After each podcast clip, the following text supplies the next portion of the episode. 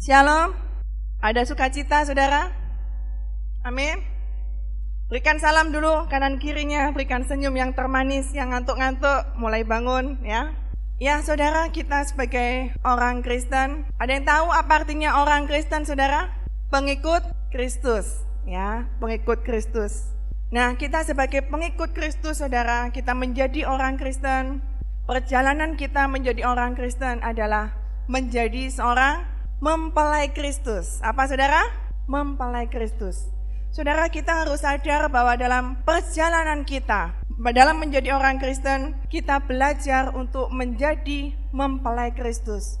Pada akhir zaman ini, saudara, pada kedatangan Tuhan Yesus yang kedua kali, Tuhan Yesus akan menjemput mempelainya, saudara. Yesus akan menjemput mempelai-mempelainya yang siap. Sadarkah kita bahwa kita di sini, kita adalah mempelai Kristus. Mempelai itu apa saudara? Mempelai mungkin ada nggak tahu di sini masih 17 tahun ke bawah. Mempelai nggak tahu? Mempelai artinya apa? Pengantin ya. Ya kalau mungkin di gereja ini sudah mulai banyak yang akan menjadi pengantin saudara ya. Sebentar lagi ada banyak pasangan-pasangan yang mulai masuk dalam pernikahan ya saudara. Kita di sini saudara, kita juga sedang dipersiapkan untuk menjadi seorang mempelai Kristus. Nah bagaimana tahapan kita menjadi seorang mempelai Kristus saudara? Bagaimana kita menjadi orang Kristen tidak hanya sekedar memiliki hubungan yang teman, saudara ya. Dalam menjadi mempelai Kristus ada suatu tahapannya. Ya, saya percaya di sini yang sudah membangun hubungan saudara antara lawan jenis yang sudah akan mempersiapkan dalam pernikahan itu akan dimulai dengan yang namanya apa, saudara? Kenal. Langkah pertama pertemanan dimulai dengan kenal dulu, saudara.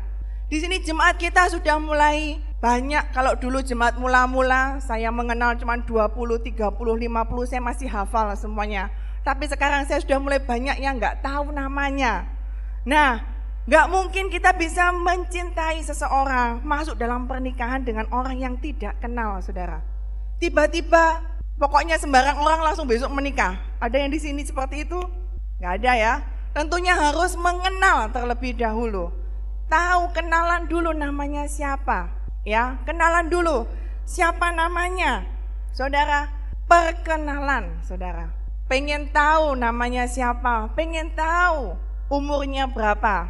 Siapa tahu wajahnya imut-imut, ternyata umurnya sudah 10 tahun di atasnya. Ya, ya. Wah, pengen tahu umurnya berapa? Sekolah di mana? Orang tuanya seperti apa dan lain-lain, saudara. Tahap perkenalan yang pertama kita harus mengenal Tuhan terlebih dahulu. Sebelum kita menjadi seorang mempelai yang diangkat oleh Tuhan, yang dijemput oleh Tuhan, kita perlu yang pertama mengenal Yesus, saudara.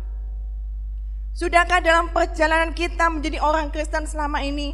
Mungkin ada yang sudah puluhan tahun menjadi orang Kristen, ada yang bilang sudah dari sejak bayi, atau mungkin sejak dalam kandungan, dia menjadi orang Kristen, saudara. Ya, ngomong saya sudah dalam kandungan menjadi orang Kristen nih. Kan orang tua saya Kristen, gitu ya. Ada yang mungkin berkata seperti itu. Ada yang ngomong sejak saya anak-anak, remaja, atau kapan pertobatan kita? Sudahkah kita mengenal Yesus, saudara? Sudahkah kita mengenal Yesus? Mengenal Yesus tidak hanya cuman kita tahu, saudara. Saya mungkin tahu wajah-wajah kalian di sini tapi saya belum tentu mengenal kalian. Ditanya namanya saya nggak hafal. Apalagi ditanya sukanya apa, kebiasaannya apa, saya nggak tahu saudara. Kalau kita mau belajar untuk mengenal Yesus, untuk dipersiapkan menjadi mempelai yang sejati saudara, kita perlu mengenal Yesus secara pribadi.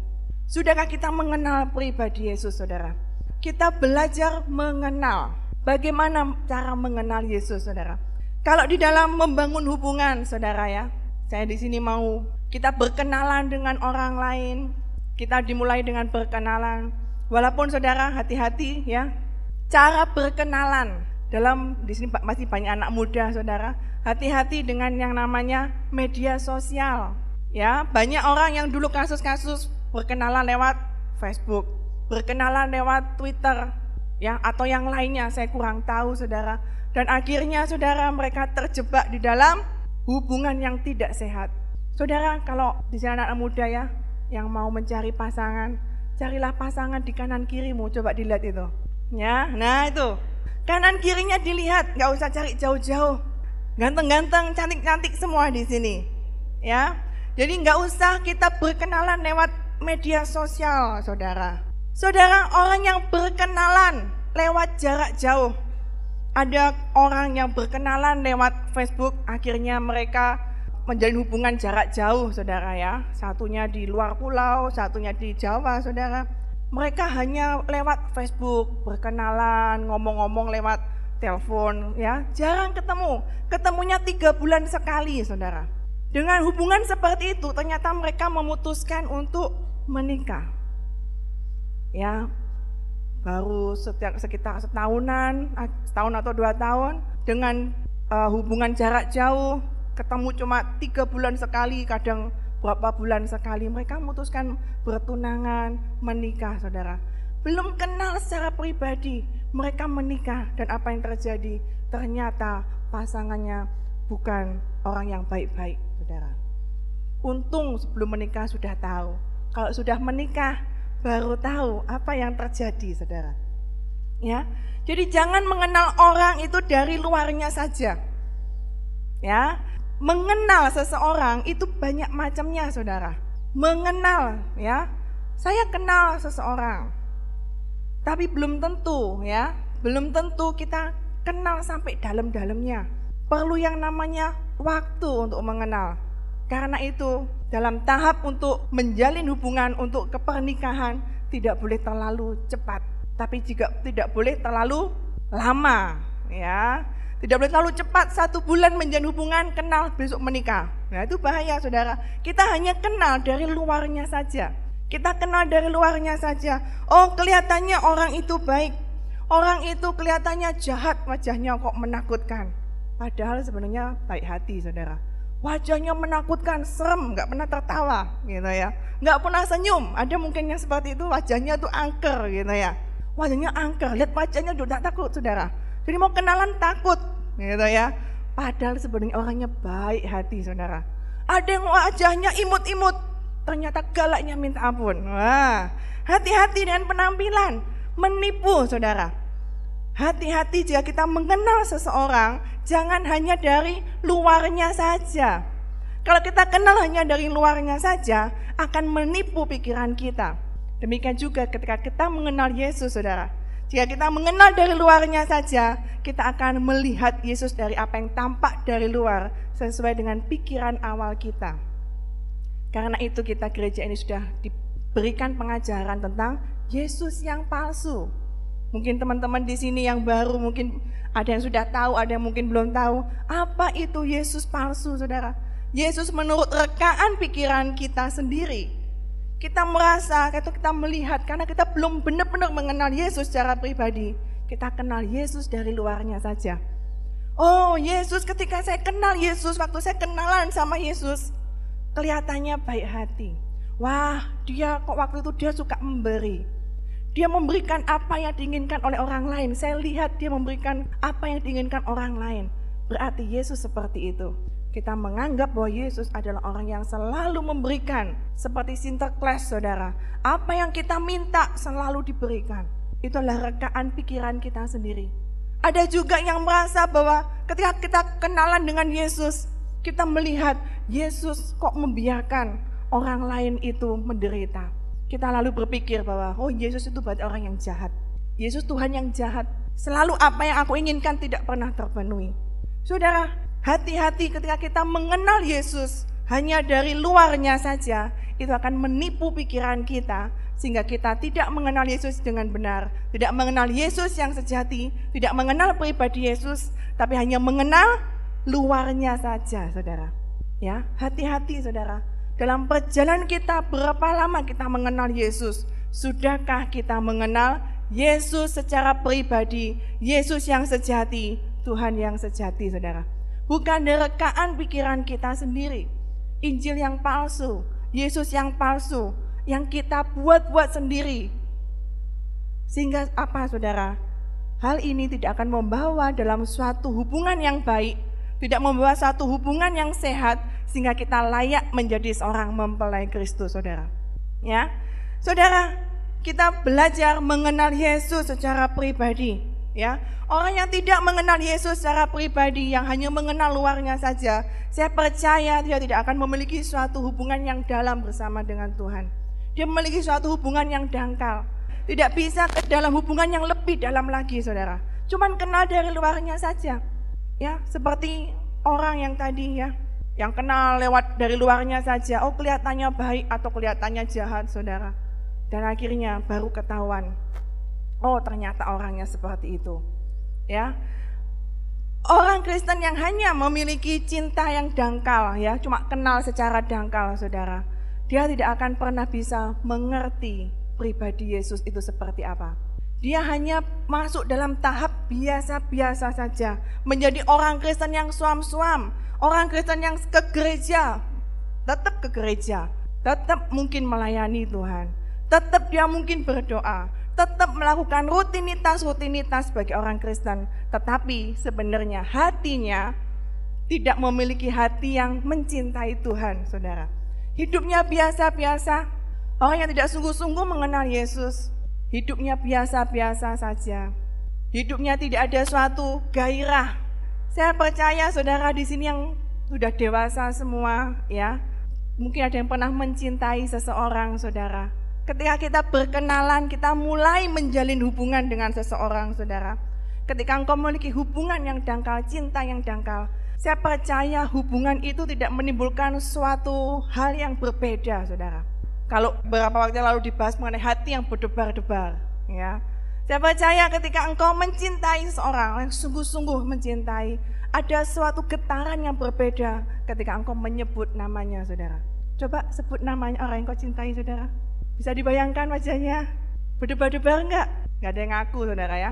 Nah, saudara, seseorang yang mencintai, yang sungguh-sungguh, yang tidak hanya cuma kenal dari luarnya, kenal pribadinya saudara. Ketika engkau sungguh-sungguh mencintai, akan timbul suatu getaran yang berbeda.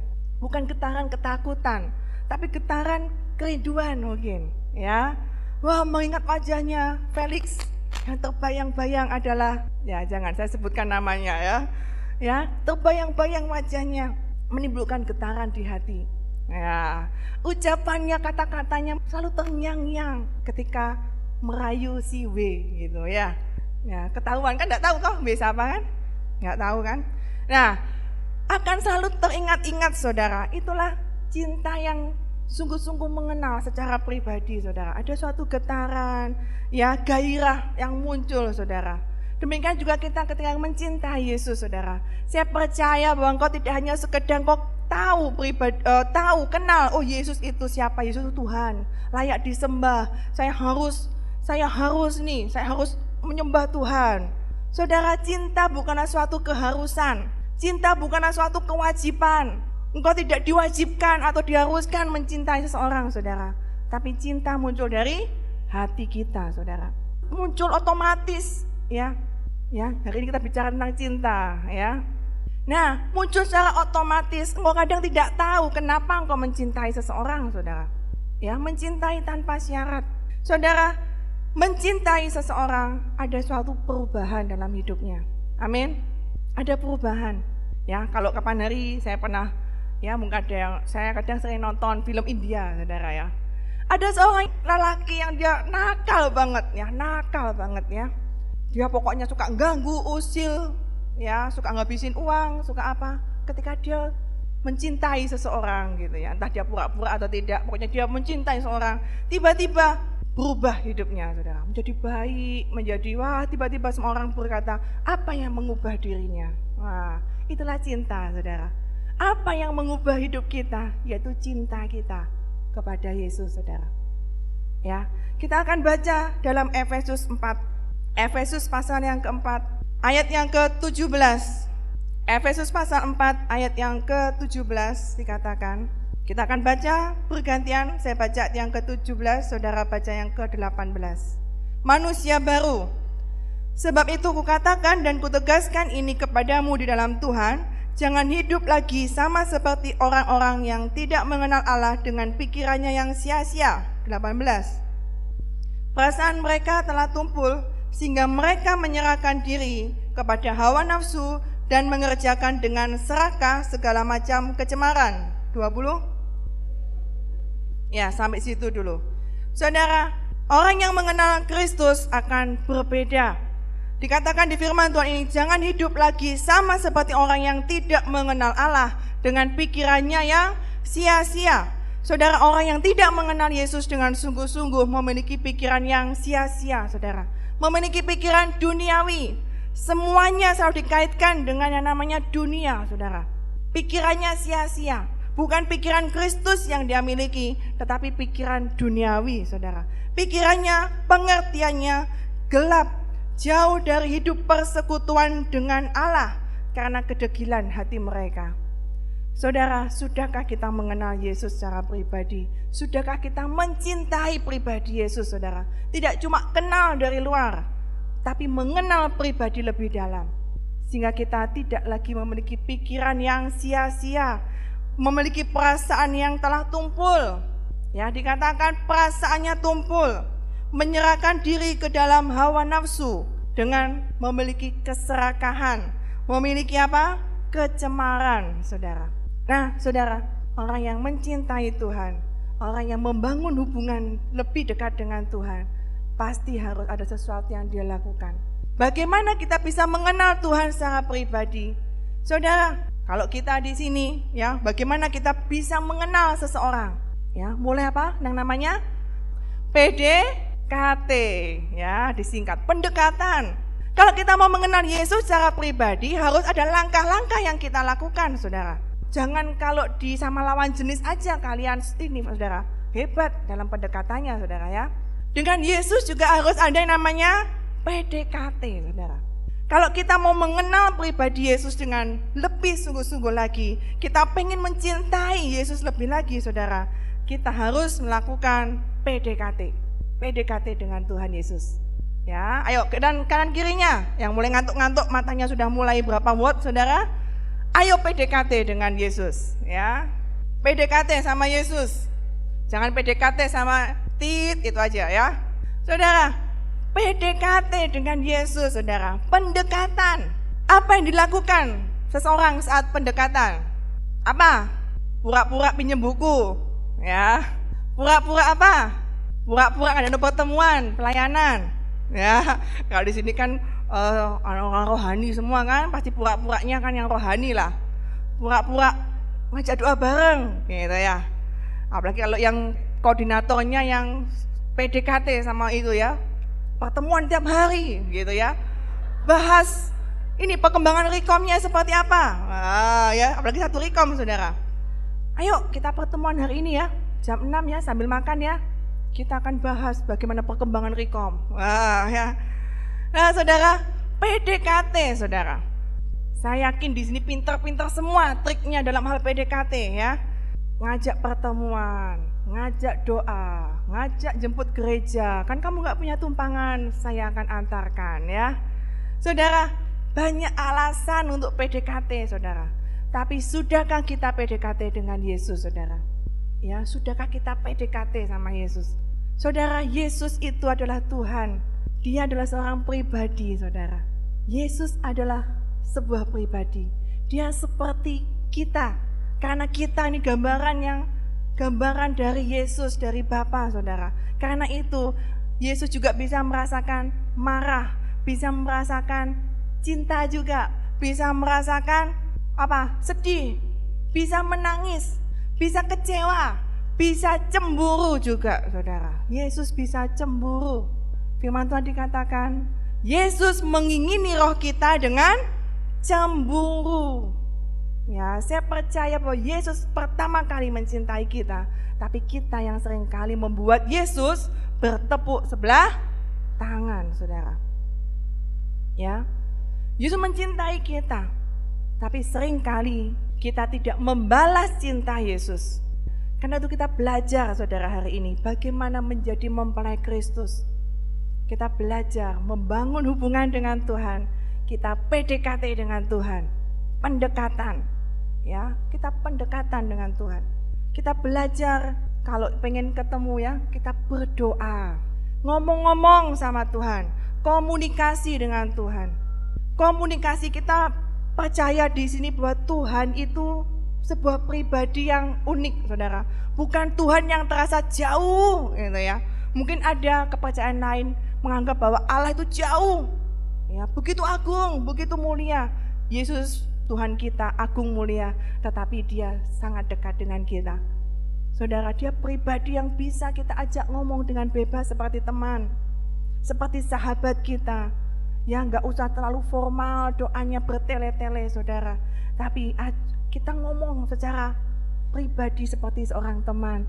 Bahkan kita akan lanjut seperti seorang sahabat, seperti seorang kekasih, saudara.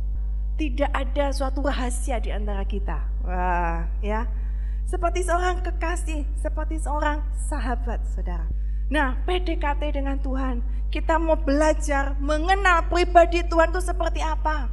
Sudahkah kita menjadi orang Kristen 10 tahun, tahu nggak apa yang Tuhan suka? Tahu nggak apa yang Tuhan tidak suka? Tahu nggak apa yang Tuhan inginkan dalam hidup kita? Saudara, dalam membangun sebuah hubungan yang sebentar lagi akan menikah, saudara. Saya percaya bahwa kalian mencoba pengen tahu dia sukanya apa. Bener nggak? Nggak ada yang ngomong di sini malu semuanya. Bener nggak? Loh masih malu semua. Nggak bener berarti ya. Nah, pengen tahu dia sukanya apa. Bahkan kita pengen tahu warna kesukaannya apa. Oh, warna kesukaannya hitam, gitu ya. Kita akan belikan barang-barang yang warnanya hitam. ya, hitam gitu ya. Ada yang sukanya hijau. Oh, kita berikan yang warnanya hijau, Saudara. Oh, dia sukanya makan apa? Kita kalau mengenal seseorang, kita akan tahu dia sukanya apa dia sukanya kayak gimana, gak sukanya kalau kita bagaimana. Oh dia suka kalau aku pakai baju pink, nah, maka aku akan coba yang cewek-cewek kalau ketemu pakai baju pink, saudara. Karena kelihatan imut seperti Barbie gitu ya. Nah, ada yang mungkin aku nggak suka, ya mungkin pasangannya aku nggak suka kalau kamu makannya banyak. Dia akan mencoba makannya sedikit, saudara. Ya, itu berarti kepengen supaya pasangannya diet, ya. Nah, ada banyak hal yang terjadi ketika membangun suatu hubungan. Kita akan mencoba pengen tahu. Kita akan sejalan dengan waktu kita akan tahu, saudara, apa yang dia suka, apa yang dia tidak suka, apa yang dia paling nggak suka. Yaitu kalau kita ngomel, kalau saya, kita kan mulai tahu, oh saya tidak boleh ngomong pada saat ketika dia mulai sedang nggak enak hatinya. Kita kan mulai tahu, saudara, pribadinya. Kita mungkin jadi orang Kristen sudah 10 tahun, 20 tahun, saudara. Sudahkah kita tahu apa yang Tuhan suka, apa yang Tuhan tidak suka dalam hidup kita? Bagaimana kita bisa tahu apa yang Tuhan suka, apa yang kita uh, Tuhan tidak suka? Yang tadi membangun hubungan, PDKT tadi, saudara dengan cara apa? Ketemu tiap hari, berdoa, komunikasi dengan Tuhan, pengen cari info tentang Tuhan itu seperti apa, ada di firman Tuhan. Pengen cari info, pengen tahu, menyelidiki Tuhan itu seperti apa. Bisa mendengarkan firman Tuhan melalui khotbah-khotbah, baca buku rohani saudara. Ya, banyak hal yang bisa kita lakukan kalau engkau sungguh-sungguh ingin mengenal Yesus secara pribadi. Sudahkah kita tahu saudara, Yesus tidak suka jika kita melakukan hal-hal seperti apa. Tuhan tidak suka bila kita hidup di dalam dosa. Tuhan tidak suka jika aku seperti ini, seperti ini. Tuhan suka jika aku melakukan firman-Nya. Suka bila aku melakukan kehendaknya. Saudara kita belajar apa yang menjadi kehendak Tuhan. Kita pengen tahu saudara. Saudara tahapan menjadi mempelai Kristus yang siap untuk di angkat sebagai mempelai Kristus, saudara, ketika engkau sudah memahami pribadi Yesus, mengenal pribadinya, saudara. Nah, belajar ya dalam membangun sebuah hubungan ada banyak hal. Kita mungkin sudah tahu, sudah oh kenal pribadi Yesus. Tetapi tahap perkenalannya ternyata ada suatu motivasi-motivasi yang lain. Saya percaya ya, di luar sana nggak ada yang di sini ya, di luar sana jauh di sana banyak orang yang membangun hubungan PDKT saudara, tapi motivasi-motivasi yang tidak baik. Contohnya, motivasi hanya karena untuk apa? Mencari keuntungan. Biasanya banyak di sinetron, saudara. Ya, saya kadang gregetan kadang kalau ngelihat ada orang ya, kok bisa ya? Dia pendekatan gitu ya. Pendekatan belum tentu cinta loh, saudara ya. Pendekatan, pendekatan gitu, saudara. Karena apa? Motivasinya orang itu kaya raya, anak tunggal, orang tuanya sudah tua. ya, papa mama sudah tua, gitu ya. Sudah 80 tahun, anak tunggal. Wah, dia berusaha segala macam cara PDKT, mengenal supaya apa? Menikah. Padahal tidak cinta, saudara. Motivasi kita, saudara, kita harus belajar. Motivasi kita mengenal Tuhan, apakah hanya karena untuk mencari keuntungan pribadi kita? Ya, mencari keuntungan pribadi. Kita mungkin jadi orang Kristen, kita tahu Yesus, kita kenal Yesus, tetapi ternyata kita memiliki motivasi yang salah. Karena gambaran kita yang salah tentang Yesus, bahwa Yesus selalu memberikan apa yang kita inginkan. Sehingga apa? Motivasi kita hanyalah menjadi orang Kristen yang suka menuntut, saudara. Ya, cinta, hubungan yang suka menuntut, saudara. Ada mungkin ya pasangan yang suka menuntut. Satu jam aja nggak ditelepon, sudah marah, saudara. Ya minta ditelepon sehari berapa kali? Di jadwal yaitu pagi bangun tidur pagi makan pagi ya. Siang malam ya. Mau mau tidur mungkin ya. Di jadwal dia harus hubungi saya. Kalau tidak berarti dia tidak cinta. Kristen yang menuntut hubungan yang suka menuntut. Karena motivasi apa? Menuntut menuntut memiliki motivasi yang salah. Pokoknya harus mendapatkan apa yang aku inginkan mencari keuntungan diri sendiri saudara itu adalah Kristen yang suka menuntut. Engkau mungkin sedang membangun hubungan dengan Tuhan sekarang. Ya, saya nggak tahu hubungan seperti apa yang sedang kita bangun dengan Tuhan untuk kita dipersiapkan menjadi mempelai Kristus di akhir zaman, saudara. Tapi saya rindu di sini kita semua memiliki hubungan yang sehat. Amin. Hubungan yang sehat, saudara. Jangan memiliki motivasi yang suka menuntut Tuhan. Tuhan, aku pengen A, pokoknya aku harus mendapatkan. Pokoknya aku akan ikut Tuhan kalau aku diberkati. Aku akan mengikut Tuhan kalau pokoknya aku cepat dapat jodoh. Gitu ya. Pokoknya aku ikut Tuhan asalkan keluargaku dipulihkan. Saudara kita memiliki cinta yang bersyarat kepada Tuhan. Kita merasa bahwa Tuhan selalu memenuhi apa yang kita inginkan. Dan jika tidak, putus hubungan. Ini adalah suatu hubungan yang sangat-sangat dangkal. Hubungan cinta yang tidak akan bisa sampai kepada pernikahan. Kalau kita dalam kekristenan, kita akan masuk dalam pernikahan anak domba di akhir zaman. Jika kita memiliki karakter seperti ini, saudara, kita dengan mudahnya kita akan meninggalkan Tuhan. Dengan mudahnya kita akan meninggalkan cinta kita, saudara. Karena apa? Kita nggak memiliki cinta yang sungguh-sungguh sama Tuhan. Ketika keinginan kita nggak terpenuhi, kita akan mulai ngambek sama Tuhan. Kita mulai kecewa dengan Tuhan dan kita mulai dengan mudahnya meninggalkan Tuhan. Ya, dengan mudahnya melupakan. Saudara, ada orang-orang tertentu yang kadang dengan mudahnya melupakan cintanya, Saudara. Ya, ketika putus mudah sekali melupakan. Ada dua sebabnya kenapa dengan mudah. Yang pertama karena memang nggak cinta, Saudara, nggak cinta sungguh-sungguh. Yang kedua karena memang sudah pasrah, ya, berserah sama Tuhan. Tuhan aku percaya keberikan yang terbaik mati satu tumbuh seribu gitu ya. Saudara, kita belajar saudara memiliki hubungan yang dalam dengan Tuhan. Hubungan yang tidak cuma sekedar status. Apa saudara? Hubungan yang sekedar status. Ada orang tertentu yang membangun hubungan dengan motivasi hanya status saudara. Umurmu berapa? 40 tahun. Sudah punya pasangan? Belum. Ya sudah, cepatan cari, pokoknya asal punya aja gitu ya. Asal status saudara. Umurmu berapa? 25 tahun. Sudah punya pacar? Belum. Ya cepetan menikah besok ya. Pokoknya kamu menikah, punya pacar, cepetan nah cari sana ya. Status saudara. Banyak orang yang mengejar status saudara. Sehingga dia tidak sungguh-sungguh cinta, membangun hubungan dengan cinta. Pokoknya status biar nggak dikira jomblo. Jomblo itu dikira sesuatu yang menakutkan. Ya, ada di sini yang mungkin malu ya kalau dikira jomblo. Padahal jomblo bahagia gitu ya. Saudara, kita selalu mengejar status saudara. Mengejar target. Waduh pokoknya aku harus menikah sebelum usia 30 tahun. Aku harus memenuhi target ini. Status menikah di KTP ya, pokoknya harus tulisannya menikah gitu ya. Saudara, hati-hati jika kita membangun hubungan hanya karena status kepepet, saudara. Ada orang tertentu yang hanya sekedar status, saudara, dalam membangun hubungan. Itu bisa karena sebuah kutuk. Itu akan sebuah menjadi celah dalam keluargamu, saudara. Dan keturunan-keturunan biasanya juga akan menikah karena seperti itu. Pokoknya asal menikah, nggak karena cinta, saudara. Demikian juga dalam kita mengikut Yesus, apakah karena status saja, saudara.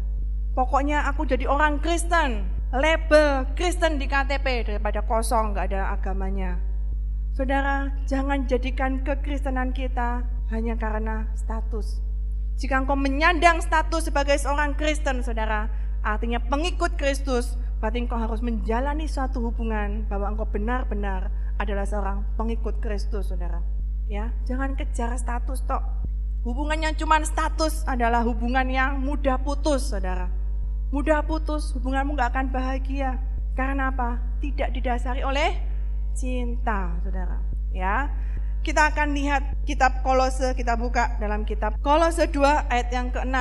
Kolose 2 ayat yang ke-6 sampai ke-8. Kita akan baca sama-sama. Sudah katakan amin? Ya, Kolose 2 ayat yang ke-6 sampai 8. 1 2 3. Kamu telah menerima Kristus Yesus Tuhan kita, karena itu hendaklah hidupmu tetap di dalam Dia. Hendaklah kamu berakar di dalam Dia dan dibangun di atas Dia Hendaklah kamu bertambah teguh dalam iman yang telah diajarkan kepadamu dan hendaklah hatimu melimpah dengan syukur. 8. Hati-hatilah supaya jangan ada yang menawan kamu dengan filsafatnya yang kosong dan palsu menurut ajaran turun-temurun dan roh-roh dunia tetapi tidak menurut Kristus. Saudara, kita sudah menerima Yesus menjadi kekasih kita, saudara.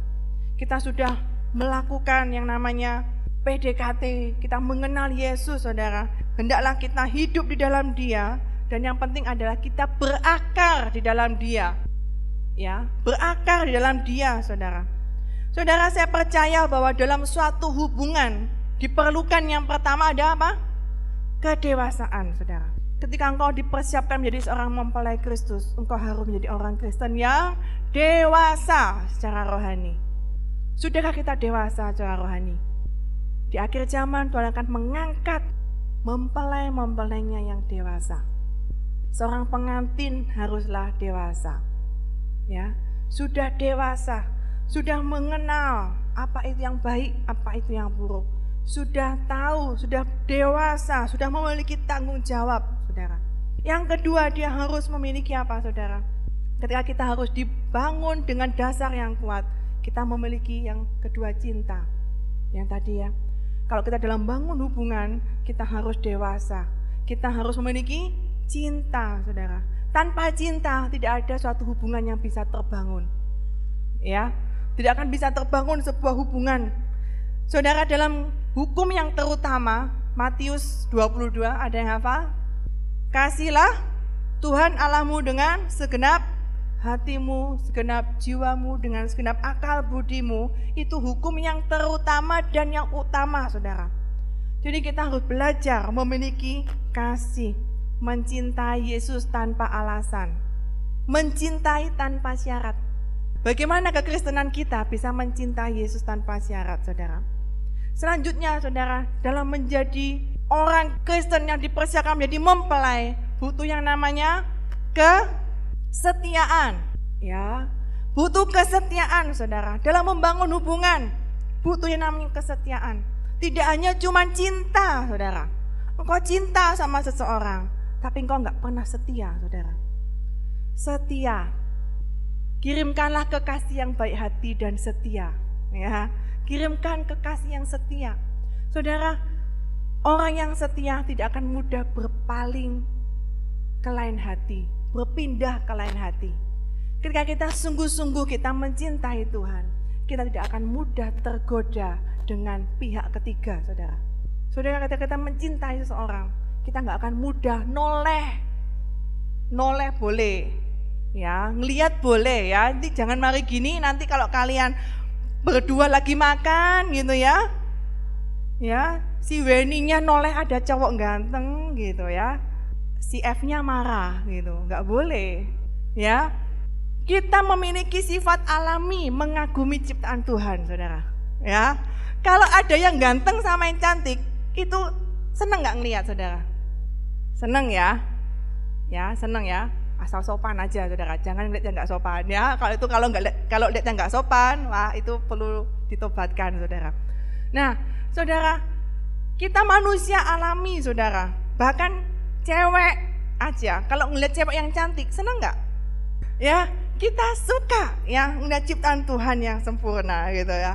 Nah saudara Setia bukan berarti kita nggak bisa melihat yang lain, saudara. Bukan berarti kita nggak bisa noleh melihat ciptaan Tuhan yang luar biasa, yang cantik, yang ganteng, saudara ya. Nggak apa-apa melihat, tapi hatinya tidak tergoda. Wah, itu yang penting, saudara. Hatinya nggak ada getaran terhadap yang lain. Saudara kita masih hidup di dunia, kita pasti akan melihat Allah-Allah yang lain. Kita akan melihat dunia yang penuh gemerlap yang mungkin akan menggoda kita, saudara. Bukan berarti kita nggak bisa lihat mereka sama sekali, kita bisa lihat, saudara. Dan Tuhan nggak cemburu kalau engkau cuma lihat aja, saudara. Ya, Tuhan nggak cemburu kalau engkau cuma bisa ngelihat, oh dunia ini wah begitu menawan hati. Tapi ketika engkau memiliki sifat yang setia dengan Tuhan, itu hanya kamu lihat, tetapi engkau tidak akan tergoda. Enggak akan mudah engkau berpindah ke lain hati. Ya, engkau akan tetap setia, saudara, dengan pasangan kita. Engkau akan tetap setia dengan Tuhan. Walaupun banyak tawaran menggiurkan di luar Kristus, engkau tidak akan tergoda, saudara. Engkau akan ditawarkan mungkin, ya, banyak hal kekayaan, mungkin ditawarkan yang lain, saudara, tetapi tidak akan menggoda kita. Amin. Kesetiaan tidak akan mudah kita beralih pandangan kita daripada Tuhan. Setia sampai akhir, saudara, itu yang Tuhan rindukan untuk kita menjadi seorang mempelai Kristus. Hati yang setia, saudara. Apalagi, saudara, kita memiliki komitmen. Percuma, saudara, suatu hubungan tanpa komitmen. Dalam suatu hubungan harus punya ikatan janji, ya. Sehingga karena kita makanya kalau kita dalam menjalin hubungan pasti ada yang namanya kapan tanggal jadian gitu ya. Kapan tanggal komitmennya, Saudara? Diperingati tanggal komitmennya, Saudara. Karena apa? Itu penting. Komitmen saat kita mulai mengikat janji antara dua hati. Nah, ya. Antara dua pihak saling mengikatkan diri, aku berjanji kita akan sehidup semati, bukan ya? Belum ya. Kalau kita dalam mengikat komitmen dalam sebelum ke pernikahan maksudnya ya. Nanti ke pernikahan akan sehidup semati, saudara. Ya, eh, enggak sehidup semati ya. Kalau yang lainnya mati jangan ikut mati maksudnya ya. Uh, maksudnya komitmen mencintai ya sampai maut memisahkan kita. Nah, ya. Saudara, komitmen yaitu perjanjian saling mengikatkan diri, saudara. Aku mengikatkan diri dengan engkau, engkau mengikatkan diri dengan aku. Kita sama-sama mengikatkan diri bahwa kita memang akan menjalani hubungan yang lebih serius. Nah, ya. Saudara kita dengan Tuhan, kita harus punya komitmen. Tuhan, komitmen kita apa? Tuhan, aku berikan hidupku untuk Engkau. Hidupku adalah milikmu. Ya, hidupku adalah milikmu. Aku milikmu Tuhan. Di lagunya dilanjutkan ya. Aku milikmu Tuhan. Nah, saudara, komitmen saudara. Ada suatu rahasia dalam komitmen yang luar biasa Komitmen itu adalah suatu hal yang akan menguatkan kita, yang membuat kita setia, yang akan membuat kita setia sampai akhir adalah komitmen kita, saudara. Sudah kita berkomitmen untuk mencintai Tuhan sampai akhir, saudara. Sudah kita komitmen, kita berikan hidup kita untuk Tuhan. Saudara, orang yang sungguh-sungguh mencintai Tuhan, dia akan mempunyai pikiran Kristus. Hidupnya tidak sama lagi, saudara Engkau tidak akan menjadi orang Kristen yang sekedar duduk di gereja. Tidak hanya sekedar engkau bahkan mungkin cuma sekedar melayani Tuhan. Tapi ada sesuatu yang lebih dari itu saudara. Engkau akan dengan mudahnya yang melakukan namanya pengorbanan. Ya, Cinta itu berkorban saudara. Engkau akan dengan mudahnya melakukan pengorbanan. Engkau bisa melayani Tuhan, engkau bisa berkorban saudara tanpa cinta saudara. Tapi ketika engkau mencintai, engkau pasti melayani Tuhan, engkau pasti mau berkorban. Saudara, tidak semua orang yang melayani Tuhan, yang berkorban, ya mohon maaf ini ya. Tidak semua orang ya yang kelihatannya aktif melayani Tuhan, yang kelihatannya wow saudara, itu sungguh-sungguh sama Tuhan Mungkin kau aktif ya. Wow, untuk kamu untuk apa ya? Untuk persiapan acara KKR. Engkau wah luar biasa engkau tiap hari latihan terus Saudara. Tapi belum tentu engkau sudah siap menjadi seorang mempelai Kristus. Jika hati kita tidak memiliki motivasi yang benar, engkau melayani Tuhan hanya karena aktualisasi diri, karena ambisi kita, saudara. Karena apa? Pokoknya rutinitas daripada nganggur di rumah. Saudara, tapi jika kita sungguh-sungguh mencintai Tuhan, kita pasti berkorban.